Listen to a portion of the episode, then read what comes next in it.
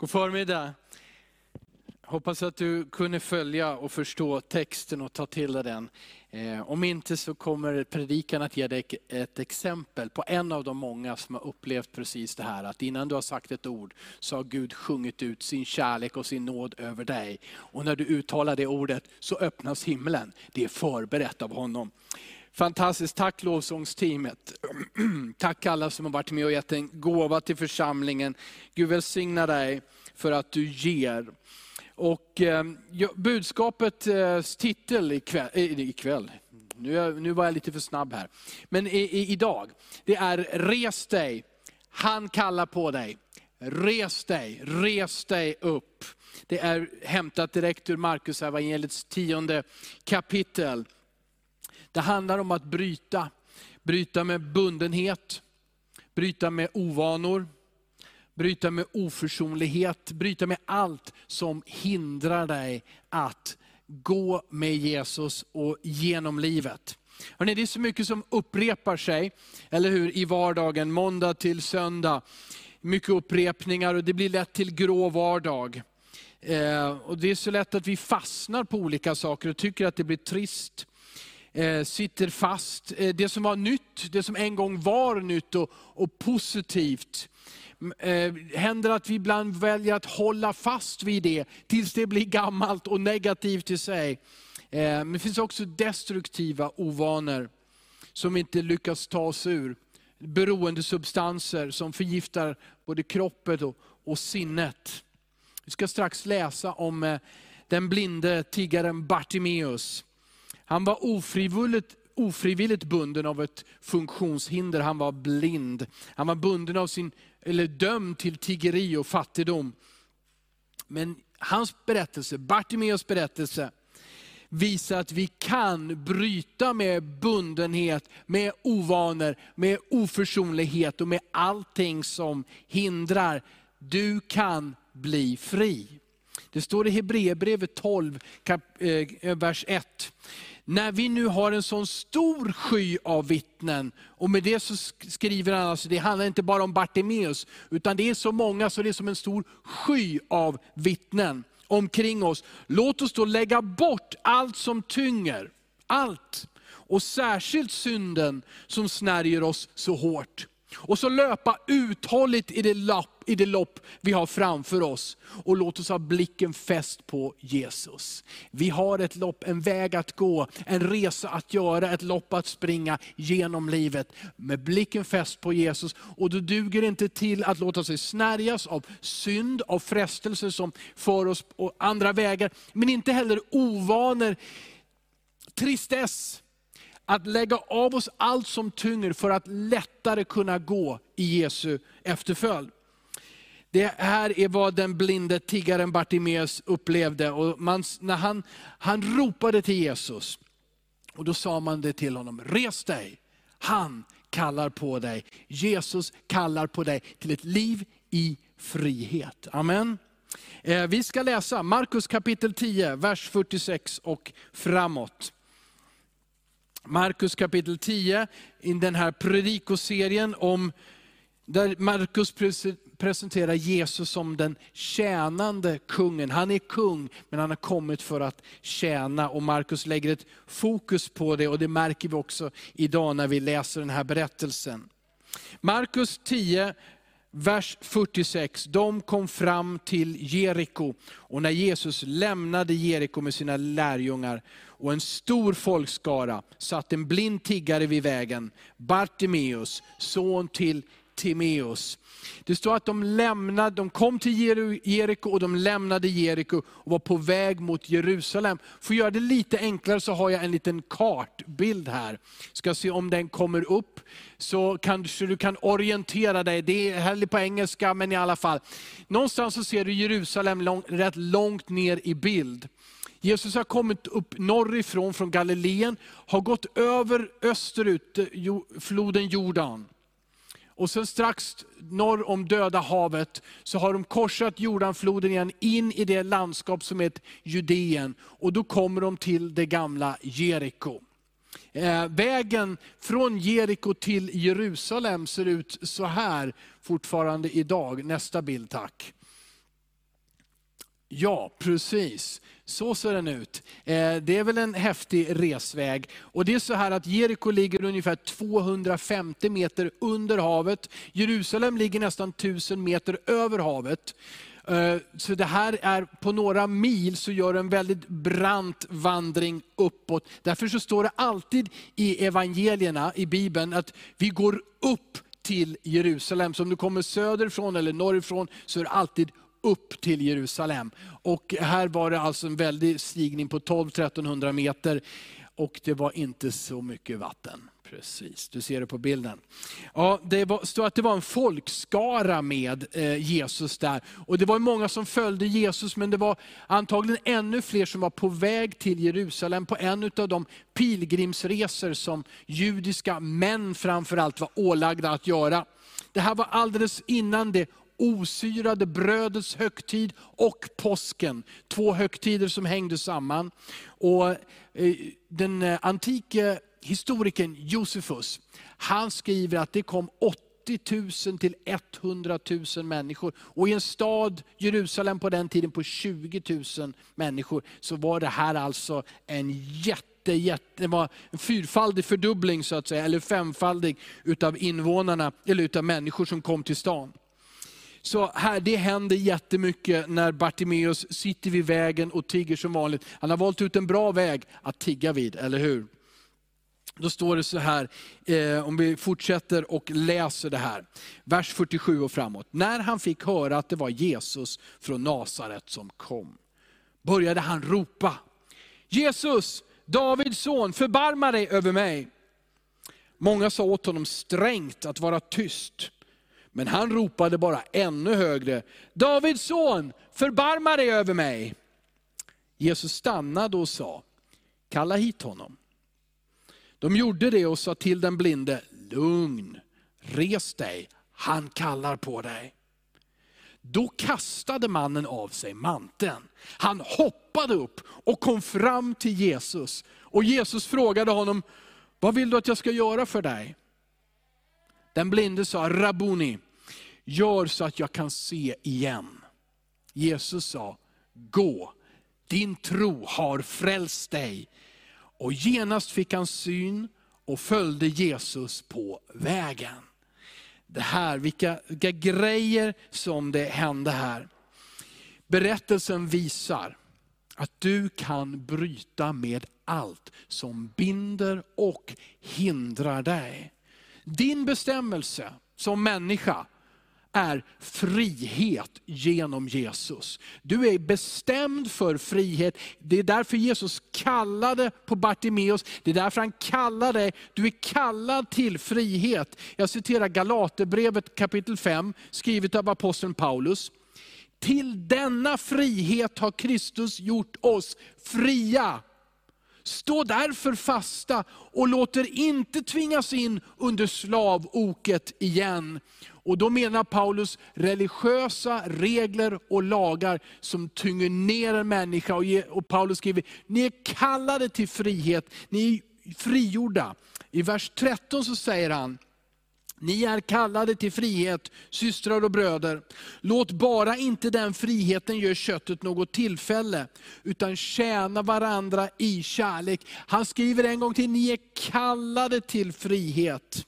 Men nu talar han inte om lagar och regler, religiösa, utan han skriver han om de inre frestelserna, att bli själviska. Att strunta i vad Gud säger och strunta i andra människor. Men vi är kallade till frihet och kallade att älska. Vi får kraft att bryta med bundenhet med ovanor. Vad är en ovana? Ja, en ovana ja, min definition här. En ovana är en dålig vana som man upprepar. Okay? En dålig vana som man upprepar är en ovana. Men för det här sammanhangets skull kan vi också säga att en ovana är en, en handling eller ett mönster som inte är Guds vilja för oss. Det är inte Guds vilja att du sitter fast i någonting. Det kan handla om synd, det vet vi, men inte nödvändigtvis. Utan tyngder som distraherar oss, som tynger och hindrar oss. Det kan vara så mycket. Jag ska ge ett exempel alldeles strax. Men först citerar jag första Korinthierbrevet 9, vers 24. Vet ni inte att alla löparna som springer på arenan, så är det bara en som får priset. Spring så att ni vinner det, skriver Paulus. Han återvänder, som Hebreerbrevets författare gjorde, till denna lopp på arenan och jämför vårt liv med det. Spring, lalla inte omkring, utan spring för att vinna.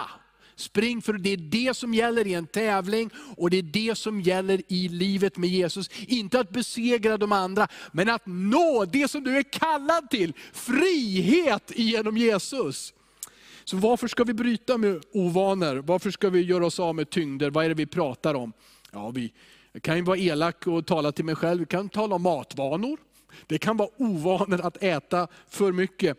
Sovvanor, att sova för lite.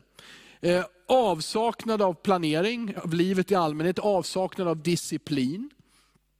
Känslor. Alltså att tillåta känslor, negativa känslor och vältra sig i dem. Jag gjorde det som tonåring, varenda kväll vältrade mig massa känslor och tankar som inte var nyttiga. Även stress en, kan bli till en ovana. Ilska, att alltid reagera fort och argt på allting, blir en ovana. Oförsonlighet. Avundsjuka, nu börjar vi närma oss, inte bara det som tynger, utan rena synder. Avundsjuka på andra, att alltid reagera, det, jag, jag vill ha, varför ska de ha? Skvaller, skvallrar om andra. Men också avsaknad av, av bön. Jag har så många andra vanor och ovanor i mitt liv. Det finns ingen plats för bön eller för att läsa Bibeln. Trots att han, Jesus, vill vara vår bästa vän. Så det är så lätt att fylla livet med allt möjligt som distraherar och tar oss bort från att prata med honom, lyssna till honom, läsa hans ord.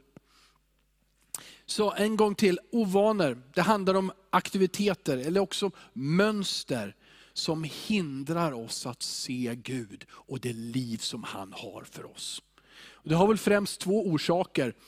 Det ena är att vi kanske inte vill komma ut ur de där ovanorna. Vi tycker om dem, vi trivs med dem, vi vill behålla dem. Det andra är, och jag tror att det är vanligare, vi vet inte hur bryter jag mig ut ur det? Hur skapar jag nya och bättre vanor? Hur går, lever jag ett nytt liv. Och här, det är därför vi ska läsa om Bartimeus igen här och titta på hans liv. Men jag citerar än en gång något annat först. Paulus skriver så här, Romarbrevet 1 och 16. Jag skäms inte för evangeliet. Det är en Guds kraft till frälsning för var och en som tror. Och i frälsning så kunde vi också använda ordet befrielse. Evangeliet, Guds budskap, att han frälser. Det är till befrielse för alla som tror på Jesus. Han har kallat oss till frihet. Den här berättelsen i Markus kapitel 10 återfinns också i Matteus 20 och i Lukas kapitel 18. Det betyder att det måste vara en viktig berättelse. Gud vill lära oss någonting eftersom det här står tre gånger i Bibeln. Det finns lite olikheter och det här har varit ett problem för en del människor genom tiderna när de har läst. Och ja, men Markus skriver så här, Matteus och Lukas skriver så. Ja, men då är det så här att när Matteus skriver det här, då är det inte bara en person, utan då beskriver han två blinda. Flera av er känner säkert igen det. Då är det två blinda. Men är det här en motsägelse i sig? Jag tror inte det. Markus, han är den enda som nämner honom vid namn. Bartimeus son till Timeus. Du vet vad bar betyder? Nej det vet du inte. Bar betyder son. Så det är Bartimeusson, son till Timeus. Alltså det är väldigt tydligt och klart vem det är. Jag tror, eftersom det är, jag är, över, jag är övertygad om att den som talat in, den som har berättat för Markus vad han ska skriva är aposteln Petrus. Och det finns mycket i Markus evangelium som talar för att brevet eller evangeliet är skrivet till de kristna i Rom. Jag tror att Bartimeus, som vi läser om här, och som det står att han följde Jesus, fortsatte att följa Jesus. Han landade till slut i Rom, eller så var det helt enkelt så att de romerska kristna kände till Bartimeus och därför så nämns hans berättelse. Det motsäger inte att det var en annan man som också blev seende i det ögonblicket. Så det om den olikheten. En annan, och det här är intressant, och inte eller intressant, jag ska bara säga så här. I Lukas evangeliet så står det eh, att eh, de var på väg in i Jeriko när de mötte den här blinde mannen. Markus och Matteus säger att de var på väg ut ur Jeriko. Ja, men vad är det här? Är detta en motsägelse? Jag tror att en möjlig förklaring, och den är, jag menar att den är acceptabel, det är så här, att eh, det finns det är ungefär tre kilometer som skiljer åt det gamla Jeriko från det nya Jeriko. Det gamla Jeriko, det var ju det som, som återuppbyggdes under gamla testamentets tid. Men det här var på den tiden bara en liten by. Sen lät kung Herodes bygga upp ett nytt Jeriko med nya byggnader som skulle imponera på människorna om hans storhet. Och det var ungefär tre kilometer emellan. Och då är, alltså min förklaring är helt enkelt att när, när Markus och, och Matteus skriver, då är Jesus på väg ut ur det gamla Jeriko och så kommer man till Lukas evangeliet, då är han på väg in i det nya Jeriko. Någonstans där så träffar han på Bartimeus och den andra mannen utan namn. Och sen inne i Jeriko så berättar ju Lukas om att Jesus också träffade Sackeus som satt upp i ett träd till att börja med. Okej? Okay? Så här har du lite grann av de här olikheterna. Jag vill inte springa över det, för jag vet att vi kan fastna på sådana här saker och säga, det stämmer inte vad som står i Bibeln. Här står det innan och efteråt och en eller två. Men jag tror att det är mycket plausibelt eh, att det är en och samma berättelse som de berättar om. Fem saker för att bryta med bundenhet, ovanor, oförsonlighet och allt som hindrar oss och att vi får lära känna Guds kraft på ett nytt sätt. Fem saker ur, ur den här berättelsen. När vi läser i vers 47, och jag läser då den en gång till. Eh, när Bartimeus fick höra att det var Jesus från Nasaret som kom, började han ropa, Jesus, Davids son, förbarma dig över mig. Det första är att han åtog sig ansvaret i sin situation. I den situation han befann sig i så skyllde han inte på andra. Han åtog sig ansvaret. Han väntade inte på att andra skulle ordna det åt honom. Han ropade ut och han bekände sin tro. Och när han ropar, när han kallar Jesus Davids son, då är han mycket modigare och tydligare i sin bekännelse än de allra flesta som var där. För Davids son är en tydlig titel på Messias, den som skulle komma för att rädda och befria Israel och alla människor från deras synder.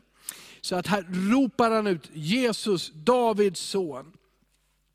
Och det gäller att höras genom folkskaran. Det var ju tusentals människor. Och det står faktiskt ett grekiskt ord här som betyder han skrek. Och det används två andra gånger i Bibeln, i Nya Testamentet. En vid ett tillfälle så är det en, en man som är plågad av onda andar som skriker. Och en annan gång så används det om en kvinnas födslovåndor. Så han skrek, han illskrek för att bli hörd igenom massan. Han tog på sig ansvaret. Det går inte att förlita mig på andra. Jag måste se till att Jesus hör mig. Och så ropade han om förbarmande. Det är samma sak som nåd. Han, han, han bad inte Jesus att vara var snäll mot mig. Han erkände, han visste, jag är en fattig, syndig människa. Jag har inte förtjänat att Jesus, Davids son, Messias, kungars kung, som drar förbi här, att han ska ge mig uppmärksamhet.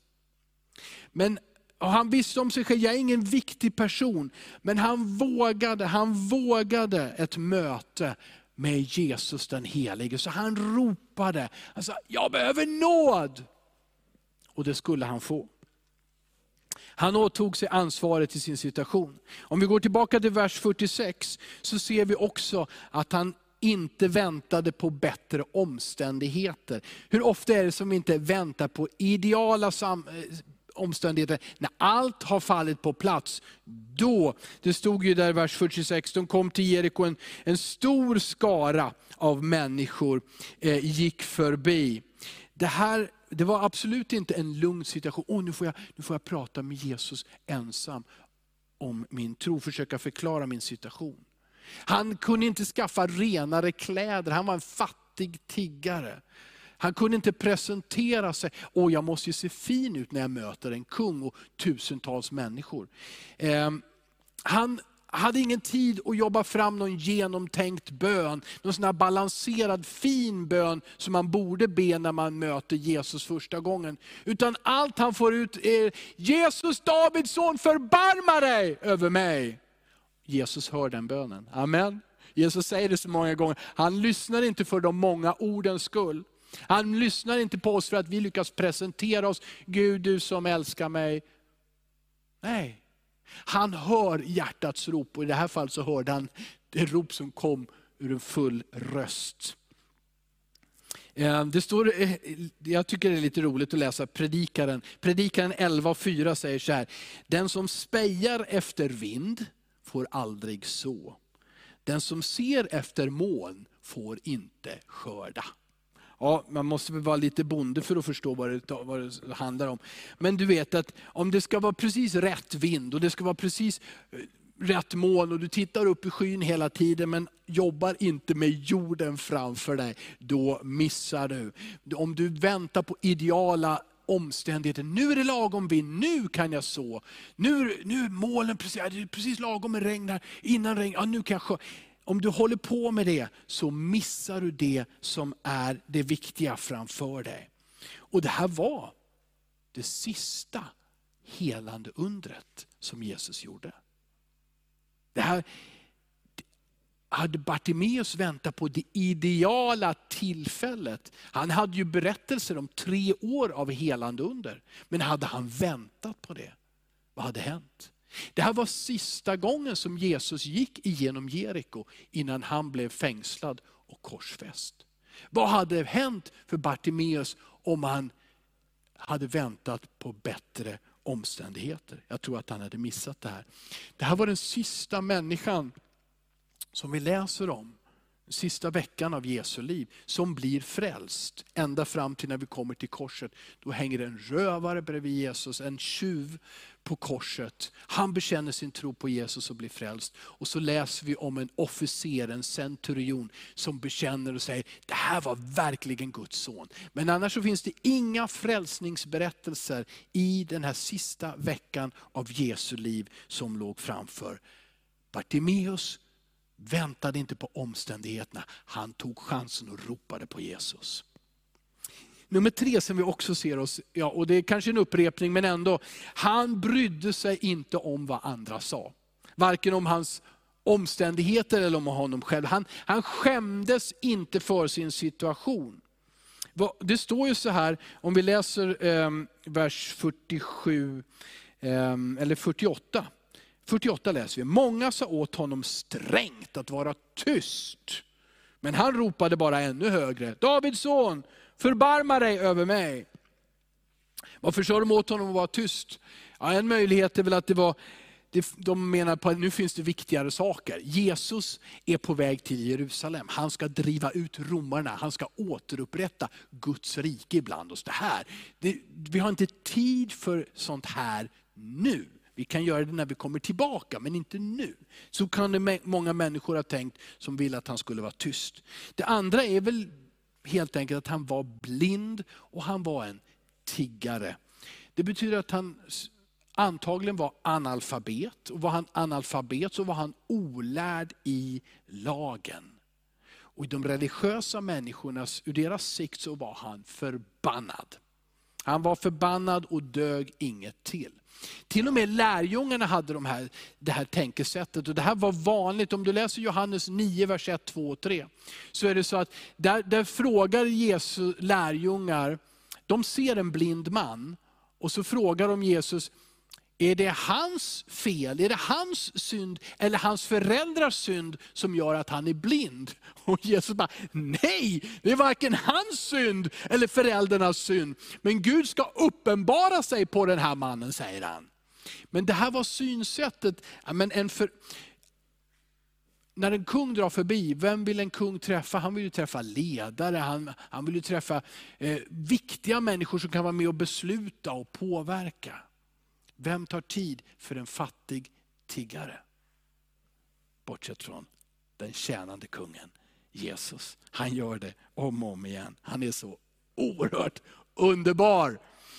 Nummer fyra, Bartimeus övervann rädslan genom att ta steg i tro. Och de här stegen förde honom till Jesus. Vi läser 49 och 50 en gång till. Jesus stannade och sa, kalla hit honom. De gjorde det och sa till den blinde, lugn, res dig, han kallar på dig.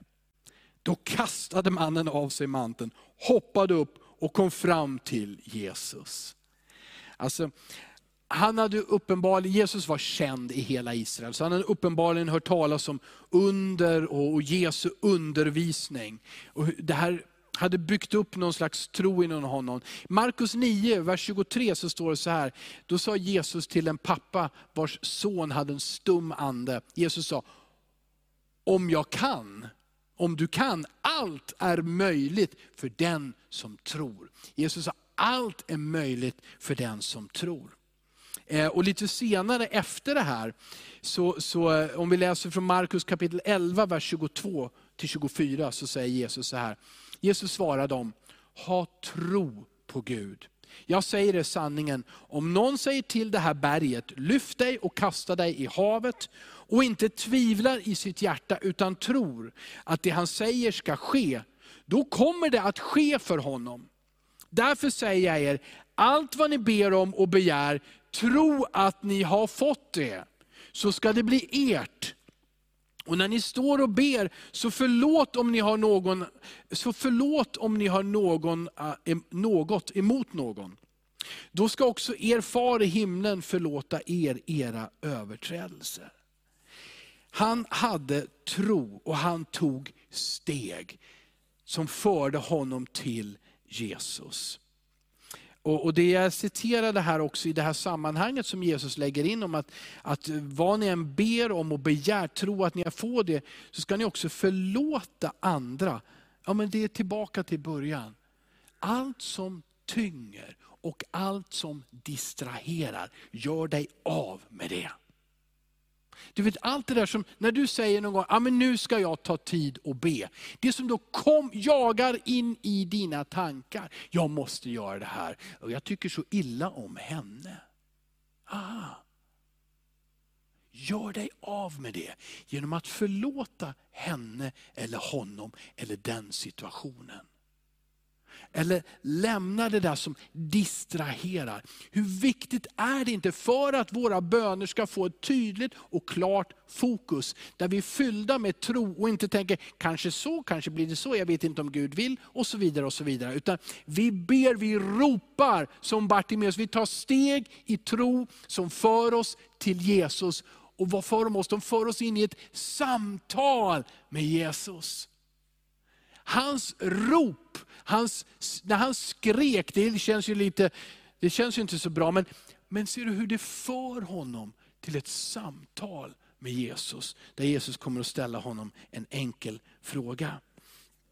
Eh, så besegra rädslan genom att se bort från omständigheterna och se på Jesus. Bartimeus levde i sina omständigheter, han glömde inte bort, han förnekade ingenting. Han visste mycket väl att han var blind och han kunde inte heller se fysiskt, men han valde att gå till Jesus. Han tog steg i tro, det gjorde han verkligen. Han var fysiskt blind.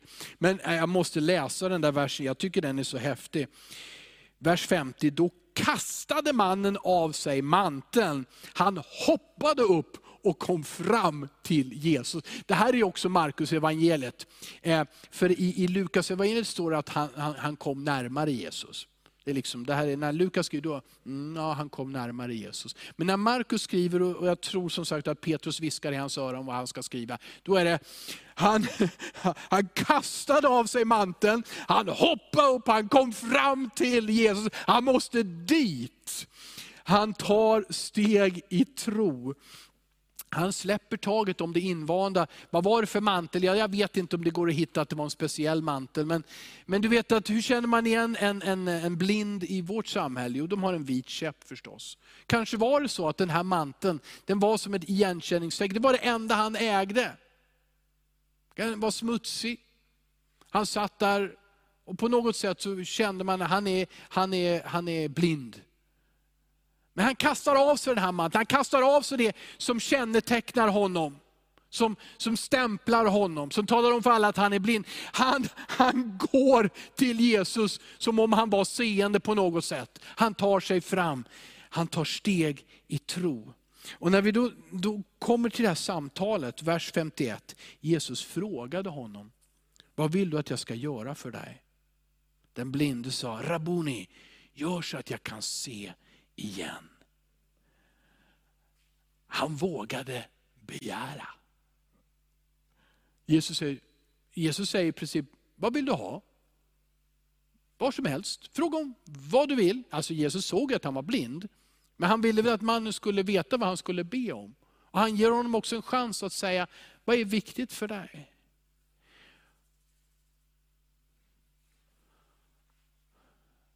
Vad vill du att jag ska göra för dig?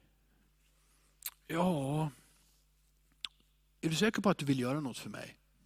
Skulle vårt svar kunna vara. Eh, jag vet inte om det är det din vilja. Brukar du hela blinda? Är det, är det din vilja? Eh, det finns många andra som är värre sjuka än vad jag är. Det är så lätt. Jag kanske, ja jag vet att jag ibland skojar med oss, driver lite med oss. Men du kanske ändå känner igen någonting av resonemanget. Att när Jesus ställer en sån rak fråga, vad är det du vill att jag ska göra för dig? Så, så tänker du på varför det inte ska ske. Vad som inte ska göras. Men Jesus frågar, vad är det du vill att jag ska göra för dig? Inte, inte när, när vädret är bra, omständigheterna duger till. Inte en annan dag när, när allt är lugnt och det är inte så mycket press och stress. Utan åh, få ta tid för allting. Och när du kan förklara i dina böner hur man skulle kunna tänka sig att du Jesus skulle kunna göra det här för mig och hjälpa till. Och... Vad är det du vill att jag ska göra för dig? sa Jesus till Bartimeus. Han sa, gör mig seende igen, ge mig syn igen. Han, han vet, det här är viktigt, det här brinner i Bartimeus, det vill han ha, han vågar begära det. Och då tänkte jag på sången som vi sjöng innan som började så här. Before I spoke a word, you were singing over me. Förstår du? Innan Bartimeus sa ett enda ord, innan han skrek ut, eh, Davids son, förbarma dig. Så hade Gud i sin kärlek sjungit ut över honom du ska bli seende igen. Jag ska hela, jag ska upprätta dig. Du ska bli min efterföljare. Du ska bli så känd att ditt namn ska stå i Guds ord. För de kristna runt om kommer veta vad, vad Gud har gjort i ditt liv. Gud hade sjungit ut detta över honom innan han hade tänkt ut eller visste om ens att den dagen skulle Jesus komma förbi. Vi behöver inte vara rädda. Vi får ta steg i tro, för Gud har förberett det. Han har kallat dig och mig till ett liv i frihet. Att vara man och kvinna och vara fri. Att vara den du är och tjäna Gud. Se dina medmänniskor och älska dem så som han har älskat dig och mig. Det är Guds kallelse och han har förberett det. Det sista som vi tittar på, som vi lär oss av det här nu då. Nummer fem, förbli fri. Återvänd inte, utan fortsätt nu framåt med blicken på Jesus och med Guds nåd som grund för ditt liv. Det stod i vers 52 så här. Gå, din tro har frälst dig, sa Jesus till honom. Och genast fick han sin syn och följde Jesus på vägen. Han följde Jesus. Lukas när han avslutar det här så står det så här. Genast kunde Bartimeus se och han följde Jesus och prisade Gud. Hörde du inledningen till lovsången idag om att tillbe, to worship, tillbe honom, så tar han hand om våra sorger och bekymmer och gör oss fria. Bartimeus följde Jesus och han prisade honom. Och så lägger Lukas till, och allt folket som såg det prisade Gud. Det blev glädje igen bland alla dessa människor. Vi är kallade för frihet. Bartimeus var bunden, han var fattig, han var blind, han var hopplös. Men Jesus tog inte tid för en kung eller för en ledare, utan han såg och hörde Bartimeus. Han gjorde honom seende, han gjorde honom fri, han upprättade honom. Men Bartimeus valde sen att följa Jesus. Jag vågar tro att han gick med de andra som var på pilgrimsresa in till Jerusalem. Jag vågar tro att han såg när Jesus satte sig på en åsna och red in i Jerusalem. Jag vågar tro att han var med där i templet, när Jesus drev ut de här som, som hade gjort business utav Guds hus, där det skulle bes, där sålde de olika saker. Så att han var med där. Kanske var han en av de få som var med när Jesus gick på Via Dolorosa till korset för att ge sitt liv. Kanske var han med bland dem som 500 bröderna som Paulus skriver om, som fick se den uppståndne Jesus. Jag vet inte precis vad som hände med Bartimeus, det vet bara Gud. Men Bartimeus var känd och hans vittnesbörd blev känt. Han fick sin syn tillbaka. Vi läste i början från Galaterbrevet 5, 1. Till denna frihet har Kristus gjort oss fria. Stå därför fasta och låt er inte tvingas in under slavoket igen. Och vi läste i samma kapitel, vers 13, jag läser två verser till, till från 13 till 15. Ni är kallade till frihet bröder. Låt bara inte den friheten göra köttet något tillfälle, utan tjäna varandra i kärlek. Hur ger vi köttet något tillfälle? Det ser du i nästa vers.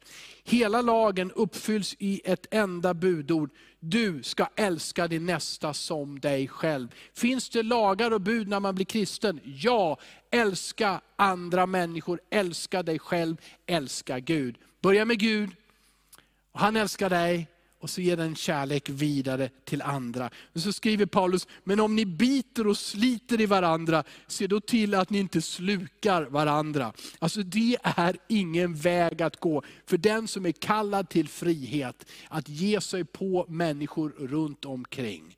Utan se på Jesus, älska honom, följ honom och älska människor runt omkring. Håll fast vid honom, håll fast vid Guds ord.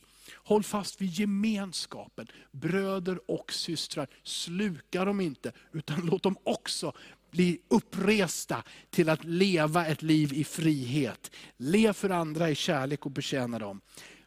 Vi följer en tjänande kung som inte kom för sin egen skull, utan för din och min skull. Res på dig, han kallar på dig. När Jesus säger till dig, vad vill du att jag ska göra för dig? Vad säger du då? När Jesus kallar dig, är det dags idag att kasta manteln, hoppa upp och komma fram till Jesus. Låt oss be tillsammans och låt oss sen gå in i mer utav bön och i tillbedjan till honom. Men kanske ber du för första gången som tittar. Eller kanske kämpar du. Du har identifierat vad det är som binder dig. Och så fort du tänker på det så börjar du tänka, ah, att jag sitter fast i det här, det här går, jag, jag blir inte fri. Men låt oss vända vår blick till Jesus genom att be till honom. Inte med så många ord, utan sådär enkelt som Bartimeus gjorde. Jesus, du som är Guds son, Davids son. Ge oss nåd. Gör oss fria. Ge oss syn att se på dig och se livet som du har kallat oss till. I din kärlek, i din frihet, i din kraft. Herre, förlåt oss våra synder. Och hjälp oss att förlåta de som är skyldiga oss någonting. Att sätta dem fria genom att förlåta dem så som du förlåter oss. Vi tar emot dig Jesus. Jag följer dig Jesus. Och jag vill prisa dig resten av mitt liv. I Jesu namn. Amen.